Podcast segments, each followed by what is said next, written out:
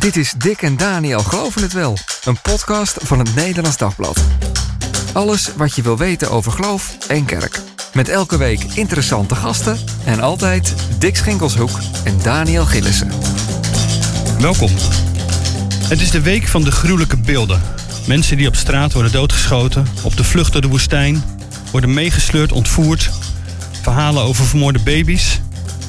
En dan nu de vergelding. Hevige bombardementen op Gaza, weer beelden van kinderen, volle ziekenhuizen, bloedstof. Ook, misschien wel juist in de kerk, zijn de verschillen in visie op dit conflict tussen Israël en de Palestijnen enorm.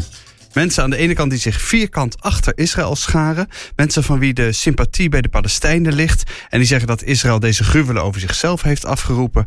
Hoe kun je nou met andere christenen, mensen die een totaal andere kijk op dit conflict hebben, toch zinvol in gesprek blijven? Over wat hier gebeurt, over wat er nu nodig is en over wat voor rol de kerk kan spelen.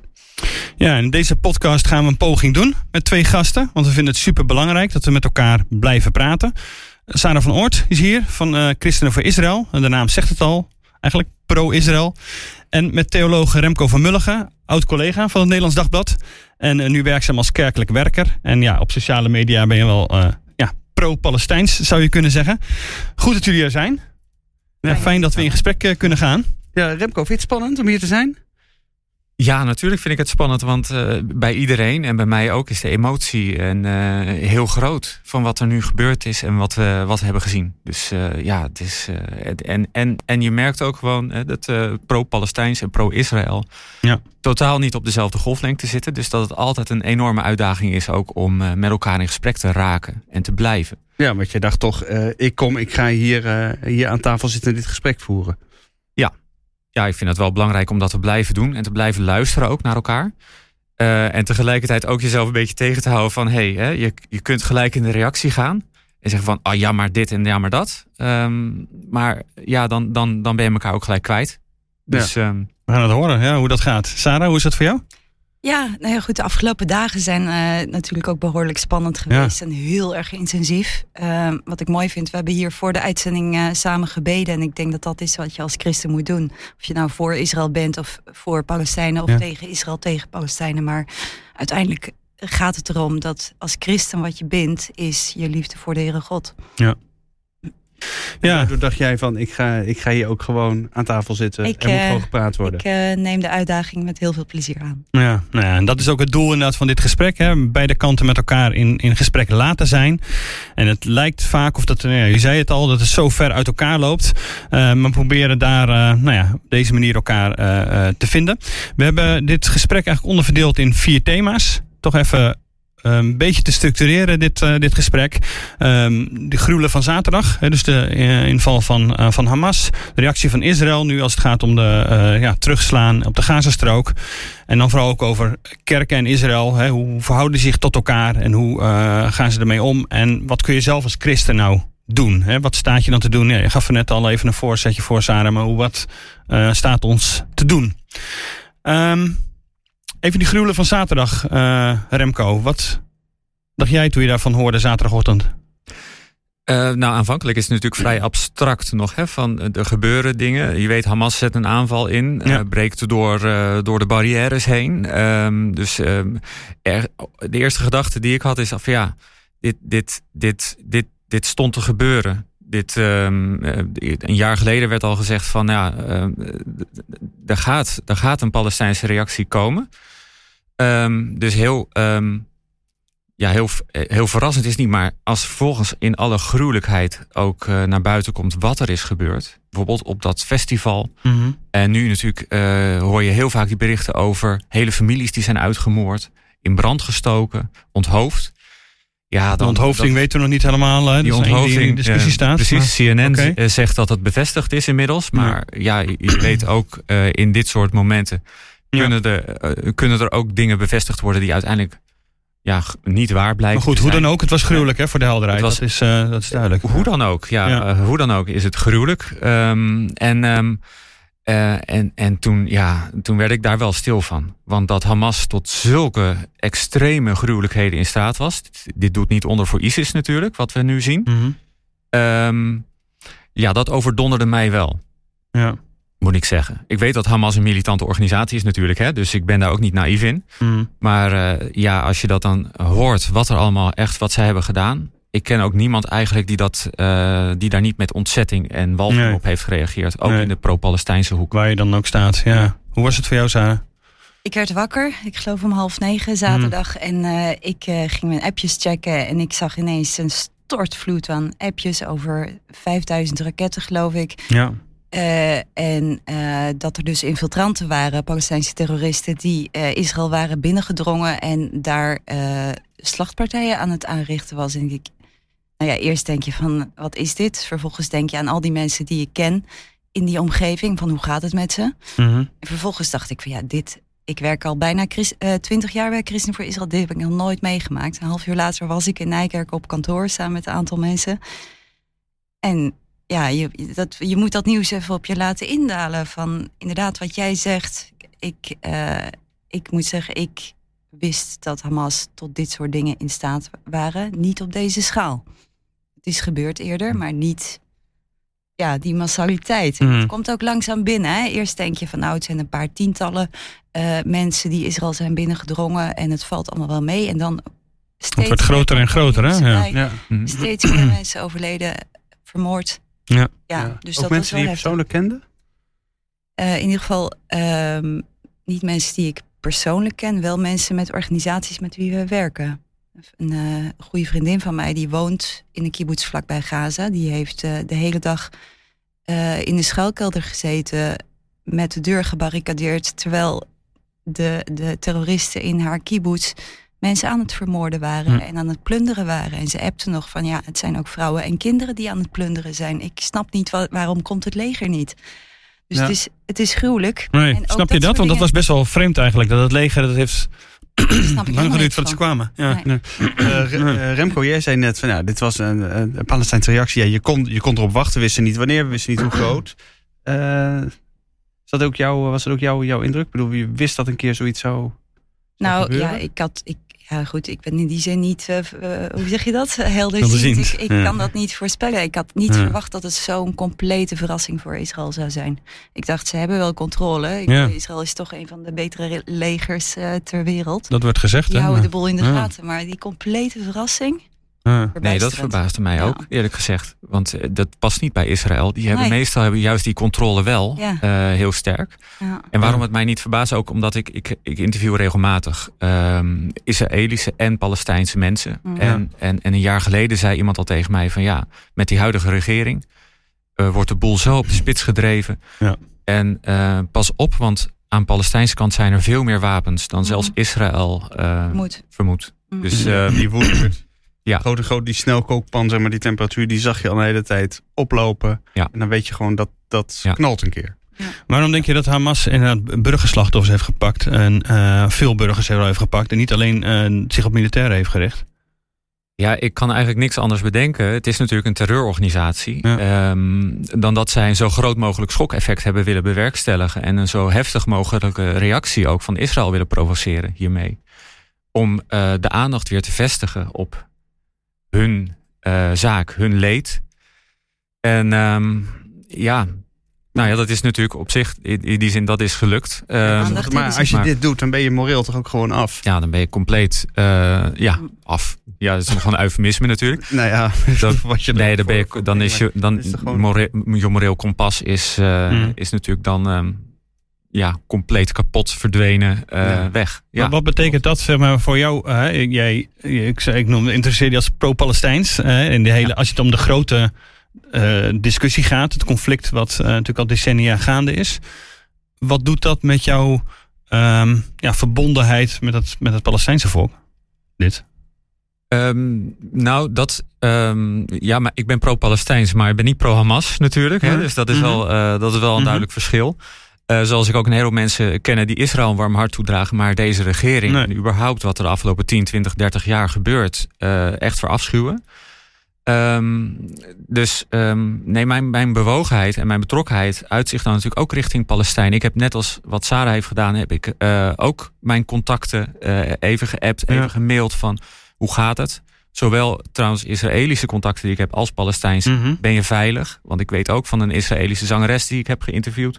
Haar familie woont in het zuiden van Israël. Ja. Ehm, ja, dan, dan, dan gaat het natuurlijk direct denk je aan die mensen. Dus ehm, Ja. ik weet niet of ik...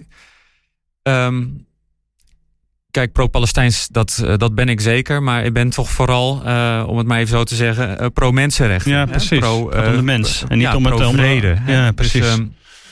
Ja, ja, ja. Hoe was het? maar, eh, eh, Was het voor jou weer een, een soort bevestiging eigenlijk weer dezelfde vraag als naar Remco, maar dan andersom, zeg maar, dat je dan denkt, ja, zie je, ik bedoel, Israël heeft ook gewoon, gewoon gelijk dat ze de boel zoveel mogelijk proberen af te sluiten. Wat blijkbaar dan niet helemaal is gelukt. Maar, Dat is niet gelukt, nee. Eh, kijk, het bewijst wel dat Israël wel een probleem heeft met een radicale terreurorganisatie die één doel heeft. En volgens mij is dat niet het uitroepen van een Palestijnse staat. Op het moment dat die Hamas-strijders eh, in Israël komen om daar mensen te vermoorden, dan roepen ze niet Free Palestine, maar dan roepen ze Allahu Akbar, slaughter the Jews, slacht de Joden. Dat is hun intentie. En die Palestijnse vlag, denk ik, wordt ook misbruikt voor dat, eh, die ideologie, die ideologie van dood en verderf. Het handvast van Hamas, in ieder geval, die is een paar jaar geleden geloof ik aangepast. mhm, mhm. Maar daar Ja. stond dat ook van. Het, het, het doel is het uitroeien van eh, de Zionistische macht, de bezetter. En wie zijn dat? Ja, dat zijn nou de Joden. Dus in die zin, eh, ik ben even je vraag vergeten. Nou ja, of het niet meer bevestiging is inderdaad van ik sta aan de goede kant, zou ik maar even zeggen. Ja, hè? nou ja, ik dus, sta in ieder eh, geval aan de kant dat ik denk van... ik, ik, ik walg van elke vorm van, Hmm. van antisemitisme. Want dit is puur antisemitisme. Maar er zijn ook mensen geweest die zeggen: ja, goed, maar Israël eh, had dit kunnen zien aankomen. Zolang mensen tergen, zolang die, we zitten die, die, die, die, die temperatuur van die snelkookpan laten Mm. oplopen. Dat, dat ontploft een keer in je gezicht. Ja, maar de vraag is ook van... eh, jij noemt het tergen.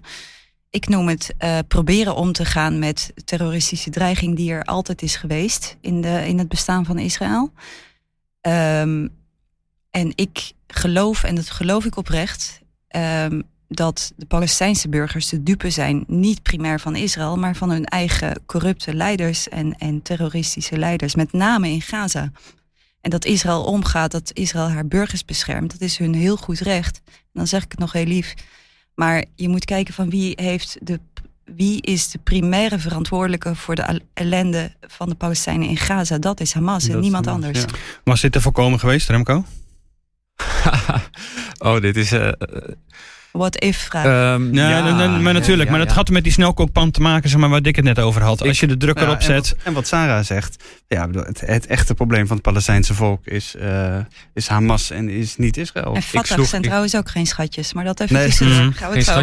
Of eh, de eh, westelijke Jordaanoever, ja, precies. De Palestijnen eh, zijn niet gezegend met eh wijs leiderschap. Dat is waar. Zowel op de westelijke Jordaanoever als in, eh, in de Gazastrook. Het is eh, ja, om van te huilen. Vinden Palestijnen vaak zelf ook. Ja. Ehm, was dit te voorkomen?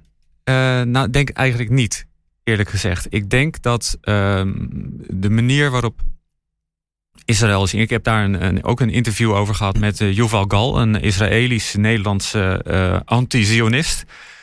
Ehm, die zegt van ja, de, de manier waarop Israël is gestart al vanaf het begin.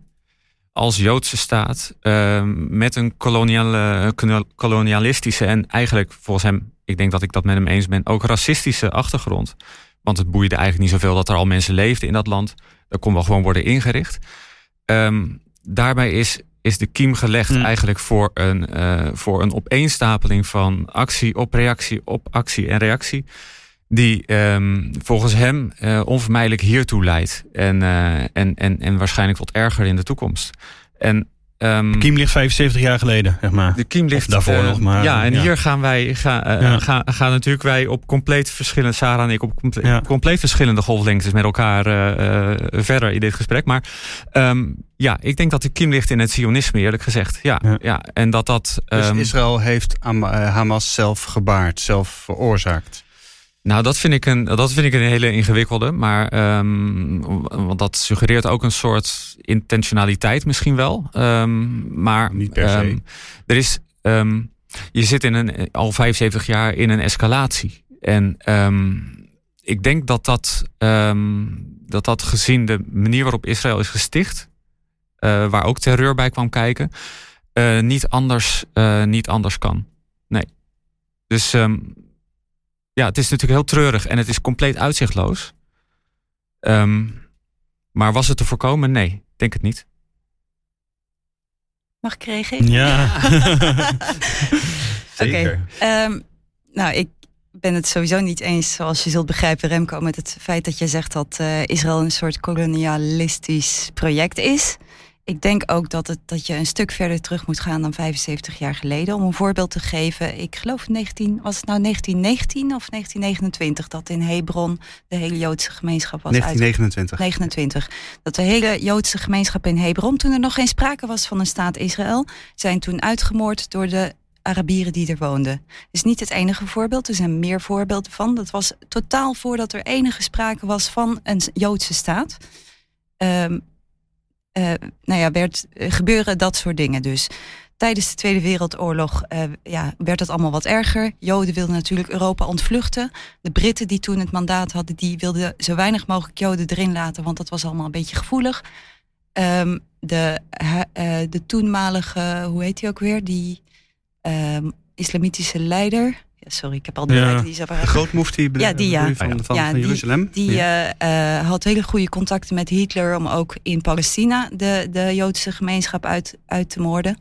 Dus je kunt niet zeggen dat het pas in 1948 begon. Nee, klopt, absoluut. Er staat natuurlijk in een hele uh, langere historische ontwikkeling. Sionisme is een ideologie die natuurlijk uit de 19e eeuw komt. Nou, dus dat ik is zou zeggen uh, drie uh, millennia terug. Maar goed. ja. Is in geval... Ik ben ook historicus, dus ik, ja. ik kijk daar net iets anders tegenaan. -huh. Um, Kijk, dit is dus het risico natuurlijk ook wat we hebben in dit gesprek. Dat mm -hmm. je inderdaad in, jaartallen... Nee, in, precies, dat gaan we inderdaad... Dat is heel goed nu over de Nakba beginnen. En dan ja. krijg je hè, uh, in 1947, 48... Er is, er, is, er is van alle kanten is er een, is er een verhaal. Um, ik denk dat dat gesprek uh, inderdaad, dat is vaak genoeg gevoerd. Dus uh, ik wil ja. namens jou al ingrijpen, en, Daniel. Ja, heel goed, ja, dank je Remco. Dat, dat dat gesprek dus bijna niet te voeren is. Want het lijkt wel alsof jullie, bedoel, en dat is niet alleen nu op dit moment, maar eigenlijk, nee, ik volg deze discussie natuurlijk ook al, al, al jaren als journalist en als geïnteresseerd kerkganger, uh, als theoloog. Dat, blijkt, dat lijkt wat lijkt alsof het gewoon twee totaal verschillende verhalen zijn. Ja, ik heb daar wel een leuke anekdote nou, over. Vertel, vertel, ik, vertel. Ik uh, neem wel eens mensen mee naar Israël. Um, en op een gegeven moment waren we in Oost-Jeruzalem, hadden we een dag met ik geloof, nee, ik ga geen namen van de organisatie noemen, want ik weet hem niet meer zeker. Maar in ieder geval met een meneer van een organisatie. Een Nederlandse meneer, die was directeur van een hulporganisatie die zich met name inzette voor uh, de Palestijnse bevolking. En nou, we hadden in de auto allemaal discussies met elkaar en zo. En achteraf um, had ik hem nog een mailtje gestuurd, want hij had iets gezegd, had ik achteraf gecheckt en dat bleek niet helemaal te kloppen.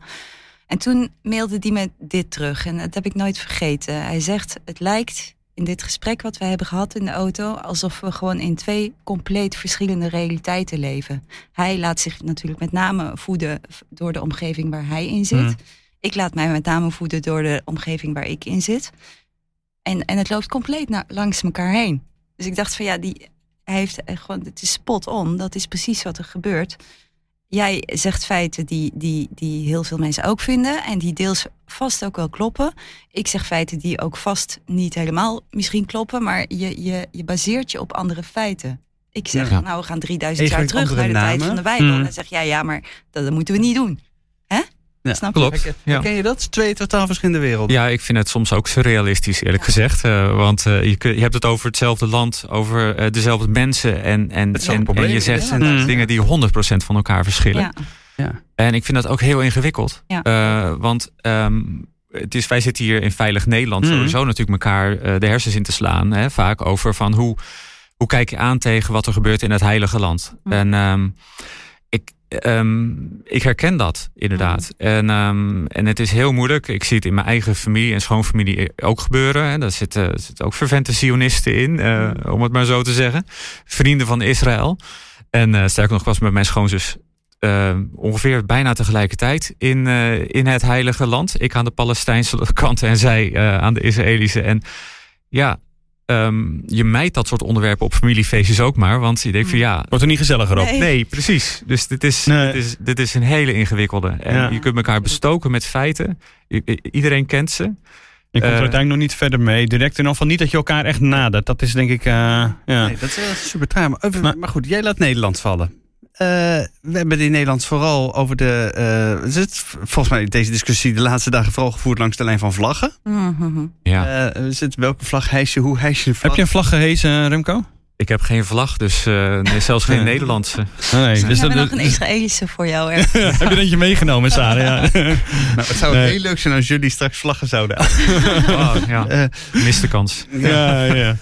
Maar, uh, ja, precies. In de gemeente is heel veel discussie natuurlijk ook. Uh, particuliere, hij is een vlag en in Urk ging dat niet helemaal goed. En er een hoop weggehaald en in de fik gestoken. Maar gemeente, die discussie over van welke vlag hangen we nou op. hoe, hoe heb jij daarnaar gekeken, Sarah? Ja, laat ze maar lekker discussiëren, weet je wel. Ja. Het is een beetje dat uh, een, een Nederlandse uh, klein uh, nou, weet je, polder. in Israël hebben ze er geen moer aan. Nee, nou ja, ze, vinden, ze waarderen het wel, zeg maar. Kijk, toen de Oekraïne-oorlog uitbrak, toen kleurde heel Nederland ongeveer blauw-geel. Ja nu is er een discussie van, uh, uh, ja, maar dan moeten we ook die vlag. Nou, dat vinden we lastig. Uh, doen we dan maar de vredesvlag. Nou, laat ze lekker met elkaar bekvechten. Maar ik heb wel één anekdote die ik even wil vertellen. Ik denk dat mijn schoonouders het niet heel leuk zullen vinden, maar ik doe het toch. Maar ze hadden dus de Israëlische vlag uitgehangen hier in Amersfoort. En mm -hmm. wat er gebeurde was, de eerste keer was die weggehaald. Toen hadden ze s'avonds wat hoger op het dak, zeg maar, de vlaggenmast weer opgehangen, weer een nieuwe vlag. En vervolgens. Was gewoon een voorraadje liggen? Ja, nou goed, uh, ja.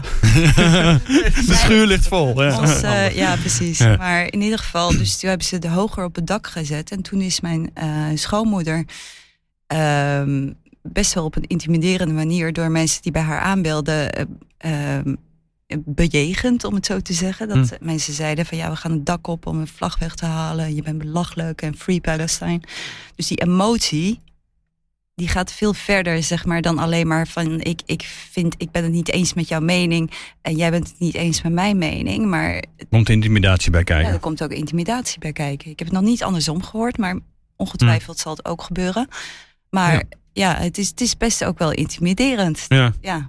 Absoluut. En dat is het over en weer, denk ik inderdaad. Want uh, ja, met, als je met een Palestijnse vlag rondloopt, dan uh, krijg je ook het nodige ja. naar je hoofd geslingerd. Ja. En um, um, ja, dus hoe het, hoe het zit met die vlaggen. Um, ik dacht, mijn aanvankelijke reactie ach, was van nou, hang, hang, hang allebei de vlaggen op. Om te laten zien, we zijn, we zijn vooral solidair met de burgers, met de menselijkheid. Dat is uh, Palestijnen en Israëliërs. Um, dat leek mij een goed plan. Maar aan de andere kant, ja, vlaggen staan ook symbool voor nationalisme. En wat ik sowieso een, een, een problematisch principe vind, e-, eerlijk gezegd. Um, dus ik vond wat Vlaardingen nu heeft gedaan. Um, en wat Utrecht volgens mij deed ook. De, Utrecht ging de eigen vlag uit, als ik het goed, mm -hmm. me goed ja, herinner. En dan halfstok. Ja. Um, Vlaardingen allebei uiteindelijk. Hè? Eerst Israëlisch, toen vredesvlag, nu allebei. Ja, ik vond dat die, uh, die hele vlaggendiscussie. Ik herken wel een beetje wat Sarah zegt. Dat je denkt van nou ja, laat maar gaan. Um, het is ook weer typisch uh, voor dit soort momenten om elkaar uh, in de haren te vliegen over ja, eigenlijk randzaken. Hè? Hoe betuigen we ons medeleven? Walgelijke discussies over zijn baby's nou wel of niet onthoofd. Alsof het nog niet erg genoeg is wat er allemaal gebeurt. Hè? Maar je ziet dat mensen zich verliezen in, in echt een soort op leven en dood woorden strijd. Mm. Over wat wel en wat, wat niet zo is. Het zal wel een soort machteloosheid um, zijn, toch? Mensen Tuurlijk, je, je wilt je ook met je Oekraïne. niks doen. Ja. Ja. Je wilt iets doen en dan heet je een vlag of je gaat ruzie maken over een vlag. Mm. En over wat te doen. Uh, ik, ik, vond wel, trouwens moet ik even zeggen, um, ja, ik heb het nodige over me heen gekregen, ook vanwege die vlaggendiscussie. En dat ging er echt heftig aan toe. Ik zit op Twitter, dat is sowieso een soort... Zou ik nooit doen. Uh, hellhole op dit moment. Waar, uh, ja, ja, dat wil, daar wil je inderdaad niet zijn, zeker niet op dit soort nee. momenten. Um, maar ik las ook een ND-commentaar, uh, wat ik wel even wil noemen, waarin werd gezegd van ja, als je die vlag niet wil hijsen, dan ben je eigenlijk een soort van laf. En toen dacht ik van, ho eventjes. Uh, nou ja, dat je kunt het met mij oneens uh... zijn, maar ja, ik vind het bepaald niet laf. Ja, het ging overigens niet volgens mij om eh, jou als particulier, zeg maar, maar als gemeente. Een beetje in de lijn, misschien wel in de lijn Rutte, als je het nu niet doet, wanneer dan wel, zeg maar. Hè? Dus zo'n moment. En eigenlijk, eh, je ziet natuurlijk in, in, uh, breder in Europa dat je eigenlijk op zaterdag of op zondag al meteen uh, zag van oké, okay, dat moment van solidariteit laten we blijken.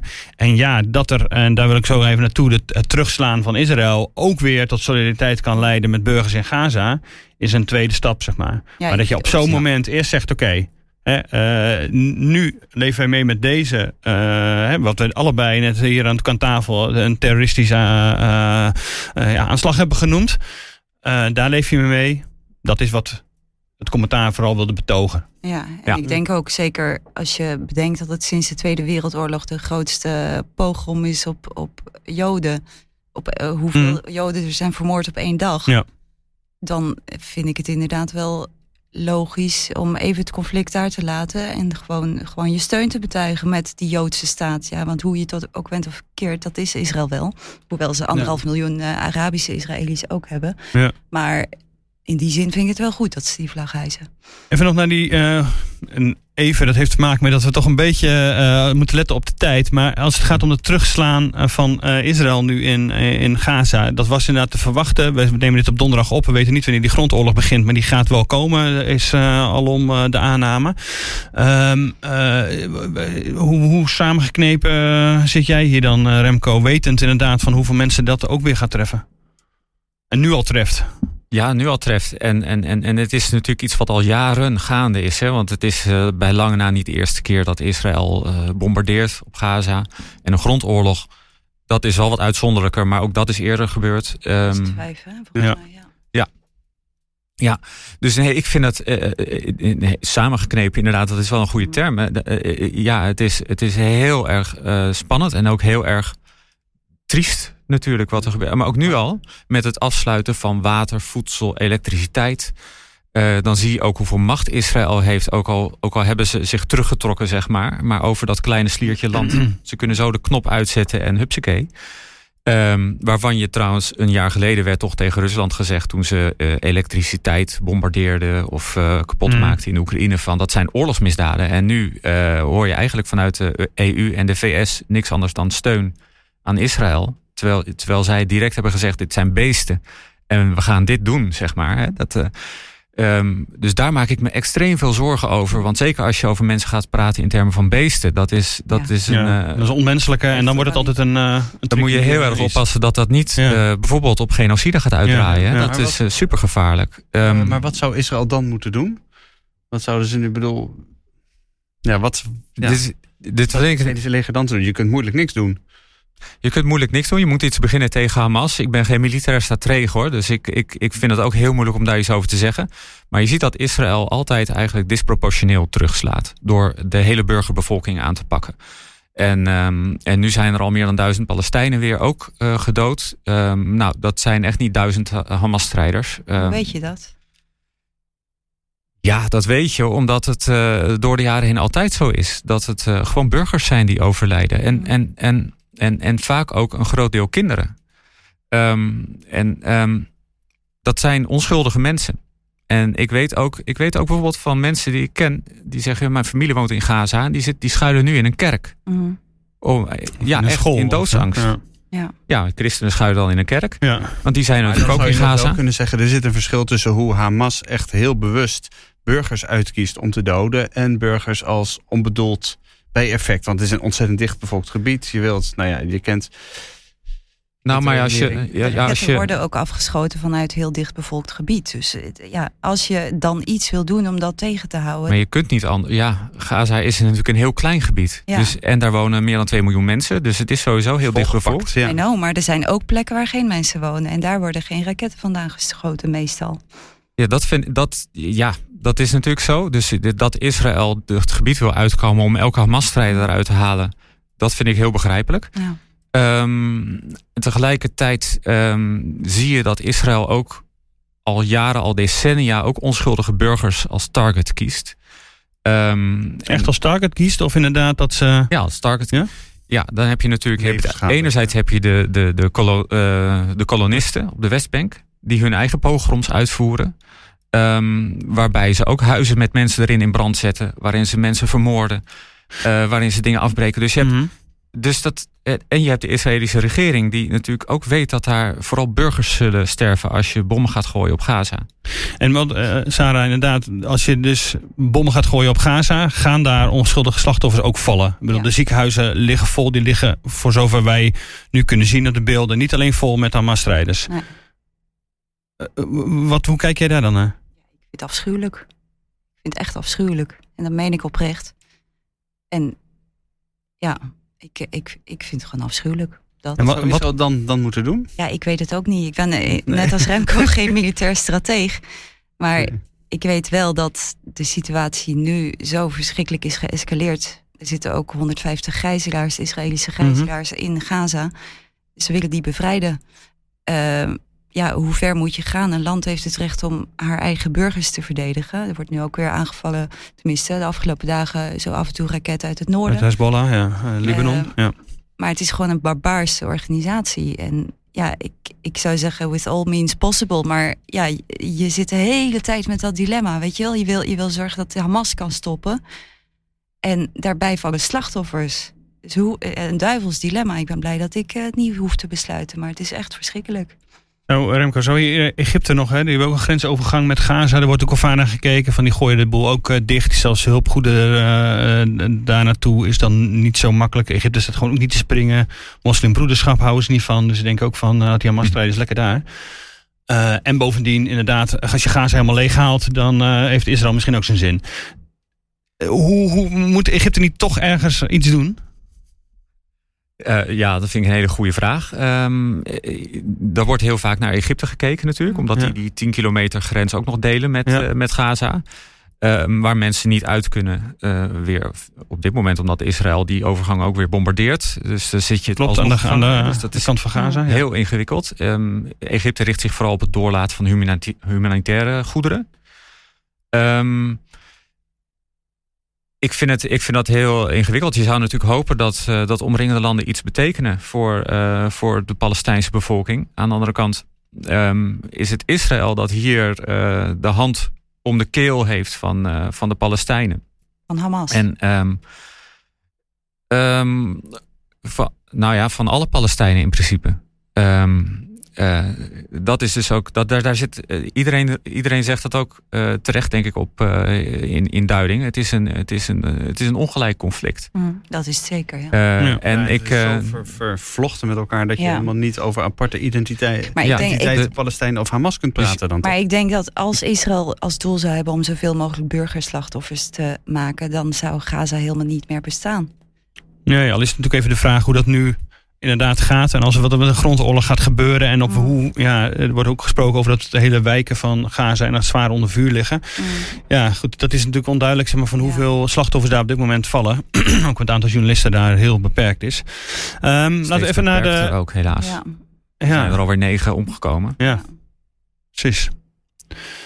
Um, laten we naar de kerk en, uh, Israël uh, gaan. Hè. Zondag gaan we uh, voor de geld voor de, veel, kerk, veel, veel christenen dat ze zondag naar de kerk gaan. En um, ja, hoe moet je dat in de kerk bespreken, zeg maar? Weten dat er meningen ja, verschillen, zoals die hier ook aan tafel verschillen. hoe kom je nou met elkaar daarover in gesprek? Want dat zal ergens gebeuren. Dat lijkt me ook van niet makkelijk om nu komende zondag een, uh, een dominee of een pastoor of een, uh, een voorganger of, uh, of wat dan ook te zijn. En je moet hier woorden aan geven. Terwijl dit, dit conflict natuurlijk niet alleen Nederland heel erg verdeelt, maar ook zeker Nederlandse kerkgangers ja. ontzettend. En die zitten allemaal te, te, te luisteren en te wegen. Mm. Zegt hij het wel goed? goed. Ja. Hij legt ze de mm. goede nadrukken.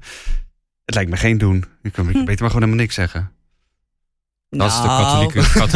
nou. We komen zo op de katholieken. Dan kan jij Sarah gaat meteen nou niks zeggen. Dat moeten we niet doen. Niks zeggen vind ik een beetje slap eerlijk gezegd. Ja, maar... dat gaan we natuurlijk niet doen. Oké, nee, ik denk, kijk, als christenen, nou ja, wat ik als uh, christen voor Israël uh, woordvoerder heel vaak hoor, is van, oh, jullie zijn voor Israël, hebben ze een streepje voor dan.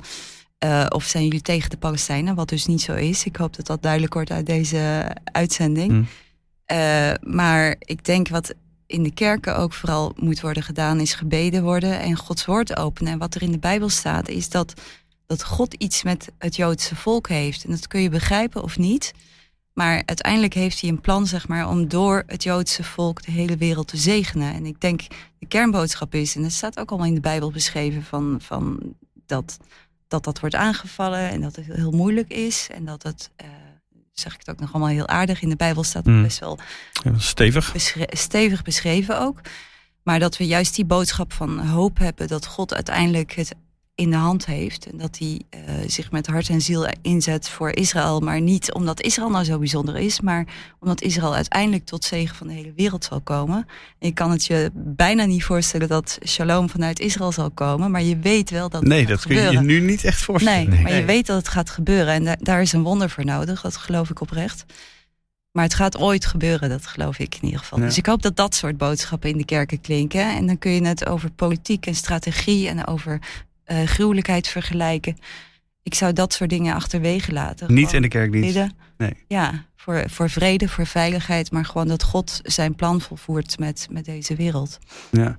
Hoe, eh, hoe zou jij dat woorden geven? Eh, Moet jij, moet jij zondag ergens Eucharistie leiden of een, een, een nee, nee, nee. Ik ben nog steeds geen priester. Dus Mm. eh, ik ben ook veel te getrouwd om eh, priester te zijn. Ehm, ehm, nee, dus in de liturgie is mijn rol eh, beperkt. Dat dilemma heb ik niet. Ehm, Hoe zou je het doen dan? ja, dat is een hele mooie vraag. Eh, de katholieken, een hele mooie, het is een hele moeilijke vraag.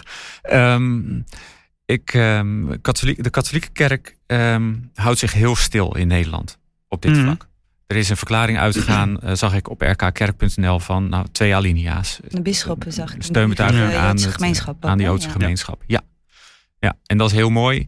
Ik mis de andere helft, uiteraard, in die verklaring. Van de Palestijnse Ehm, gemeenschap? Maar daar kan ik misschien wel eens een keer met de bisschoppen over in gesprek, als ze daar zin in zouden hebben.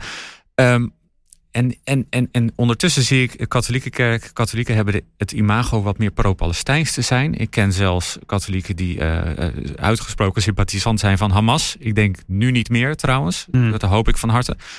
Ehm, ehm, en ik ken katholieken die vanuit een soort evangelisch of meer charismatische bewogenheid juist heel erg pro-Israël zijn. Dus het Interessant. barst aan alle kanten uit elkaar. Mhm. vasthangt, hè? Ja, van wat is dus je theologische achtergrond? Ik denk dat die ergens Ja. een rol speelt, eh, Remco dan. Absoluut. Dat, dat, Ja. dat hangt heel erg af van je theologische Hoe ligging. lees je de Bijbel? Ehm, je ziet van de Latijns patriarch in Jeruzalem, eh, die spreekt zich vrij stellig uit, ehm, voor Nederlandse termen althans. Hè. Katholieken vinden het soms nog te voorzichtig over wat Israël aan het doen is met koloniseren, met onteigenen, met eh et cetera. Ehm, dus dat is het spanningsveld in de katholieke kerk. En hoe zou je dat dan op zondag moeten doen? Ja, wat voor woorden denk- zou jij in een gebed... Ehm, ja, in een, ik, ik denk dat, eh, dat ik zou bidden, Heilige Geest, eh leer ons luisteren. Help ons te luisteren naar elkaar. Zonder gelijk te reageren, zonder gelijk te oordelen. Maar ga eerst eens luisteren. En, ehm, en ik denk echt dat we de Heilige Geest daarbij nodig hebben. Ehm, en tegelijkertijd kun je niet, eh, kun je het denk ik ook als kerk daar niet alleen bij laten. Ik heb, ik heb me Bij luisteren. bij luisteren, ja. Ja. Want er, is, er gebeurt ook onrecht. En ik vind dat je dat kunt benoemen. Je kunt benoemen dat je walgt van wat Hamas heeft gedaan. En je kunt be- benoemen dat je walgt van wat Israël al decennia doet. Ehm, ehm, dus je kunt, je kunt meer doen dan alleen luisteren, denk ik. Want je hebt, je hebt, je hebt ook een rol in het eh, opkomen voor menselijke waardigheid en voor mensenrechten. Ook als kerk. De kerk heeft zich in het verleden uitgesproken tegen apartheid in Zuid-Afrika. Ehm, Met wat discussie erbij natuurlijk. daar was een enorme discussie over. Ja, daar weet ik ook heel veel van. Ehm, door mijn eh, studie naar Ja. het orthodox-christelijk eh protestantse eh, volksdeel in Nederland. Ehm, maar ik weet ook dat de kerk zich kan uitspreken. En wat ik heel mooi vind, is eigenlijk de combinatie van die twee in wat de Raad van Kerk het afgelopen jaar heeft gedaan. En wat René de Reuver heeft gedaan in de, De van de protestantse kerk, ja. Ja, ja, want dat is een combinatie van eerst maar eens gewoon op bezoek, ontmoeten, luisteren, eh, in gesprek gaan en dan ook eh, schrijven over wat, je, wat dat met je doet. En, en, en, en niet, eh, ook niet wollig doen over, over het onrecht dat je ziet. Dat kan de kerk best goed, toch? Wollig doen. Kerk, ja, enorm. Oh, alleen de zwijgen, kerk, toch? Zwijgen of wollig doen, ja. Ja. Nee, in de Maar, politiek eh, en op dat soort momenten ook, ja. Maar Sarah, eh, bidden om de Heilige Geest, luisteren naar elkaar. Mhm. Dat zijn mooie, mooie dingen in de kerk, toch? Klinkt mooi, ja. ja. Ik zat wel een beetje te denken van, ook, je moet ook wel wat doen. En onrecht, ehm, je zegt van je walgte van wat Israël de afgelopen decennia doet. Dat, dat beaam ik niet. Nee. Ik denk dat het echt belangrijk is om je te verdiepen in beide kanten van het conflict. Iedereen heeft zijn eigen narrative, zoals dat heet. Ehm, maar ook gewoon heel realistisch te onderzoeken van wat is er echt aan de hand. Ehm, en ik kan je vertellen, nou, ik ben er ongeveer eh, eh, altijd mee bezig, of in ieder geval heel vaak. Mhm. Het is super complex, het hele conflict. Dus praat er ook niet te makkelijk over. Dat Praat is er ook niet zo. te makkelijk over. En je kunt je precies niet weet hoe het je zit. kunt niet naar Israël wijzen en zeggen dat is de fout. Er er gebeuren fouten aan allebei de zijden. Maar één ding wil ik benadrukken. Op het moment dat er eh, eh, Palestijnse kinderen worden eh, vermoord of gedood. Of wat jij zei dat mensen die in de Westbank wonen, Joden, dat die na, hoe zeg je dat, aanslagen plegen Mhm. tegen Palestijnen. Ja. Dan wordt het in heel Israël veroordeeld. Op het moment dat Palestijnen Israëli's vermoorden, dan wordt dat op, ik zeg niet overal, maar dan wordt het op veel plekken gevierd als een soort van overwinning. Dit is de strijd. Dit is, en, en dat verschil, dat, dat vind ik wel, dat wil ik wel echt heel erg genoemd hebben. Dat verschil bestaat mijn is niet, want ik zie aan beide kanten eigenlijk hetzelfde gebeuren. Het. Dat, vieren eh, van de kinderen die worden vermoord. Israëli's zaten ook met popcorn te kijken hoe Gaza werd gebombardeerd. Nee. Ehm, eh, mag je mij die foto straks ehm, even laten zien. hebt, ik geloof er ehm, niks van. je hebt, ja, helaas zijn die, die extremisten er aan Israëlische zijde ook. Die vinden dat een goede Arabier een dode Arabier is, et cetera. Eh, er worden verschrikkelijke dingen geroepen aan beide kanten.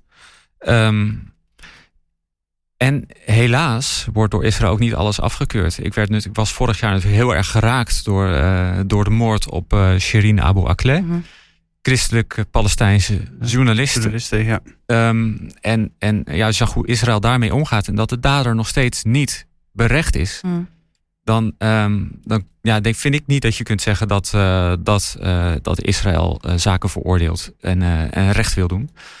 Dus daar verschillen wij over. Mhm. Mhm. Wat ik, maar we hadden het over de kerk. Mhm. Ehm, kijk, ik vind het heel, heel ingewikkeld. Ik, heb, eh, ik ben als theoloog ben ik afgestudeerd op, ehm, on- op, op het verhaal van Franciscus van Assisi. Die 800 jaar geleden naar Egypte ging in de vijfde kruistocht. Door de vijandelijke linies sloop. Op zoek naar eh, het islamitische kamp. En op zoek ging naar de sultan.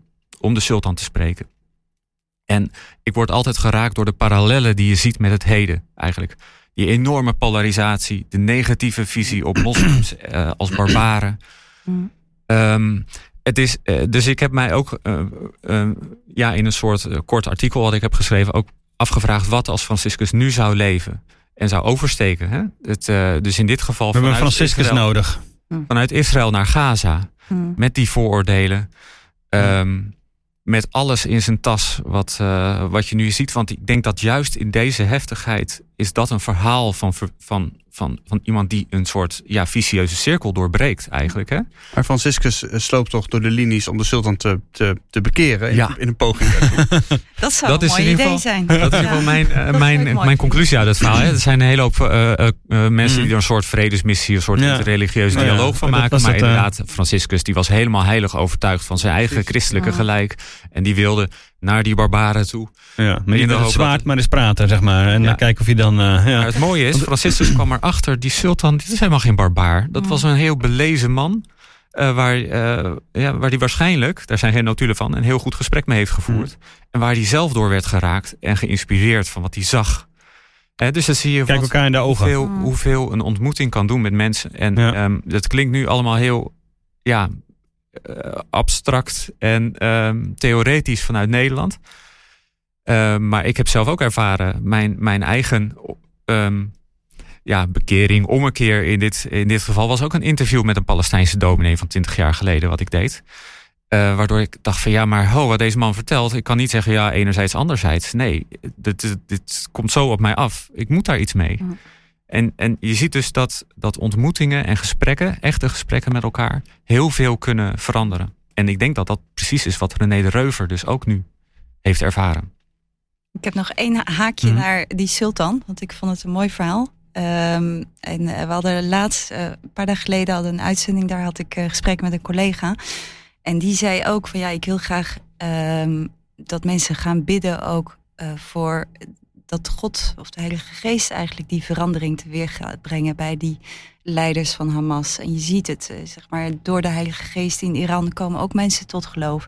Als we nou, ja, als we nou als kerken, gewoon als christenen bidden, zeg maar, dat daar gewoon een ommekeer in komt. Dat zou toch fantastisch zijn? Zou je dan ook bidden om een mildere, betere uh, Israëlische regering?